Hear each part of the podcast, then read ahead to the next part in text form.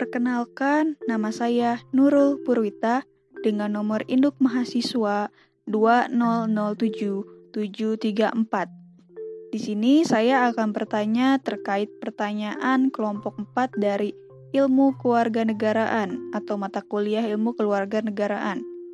Dalam upaya mengatasi hambatan dari mewujudkan kelas sebagai laboratorium demokrasi, guru dituntut lebih kreatif dan variatif serta interaktif. Pertanyaannya, bagaimana bentuk penerapan atau pengaplikasiannya di lapangan agar guru itu tidak mengajar dengan ceramah atau metode ceramah konvensional dan terkesan lebih kreatif, variatif, dan juga interaktif. Terima kasih.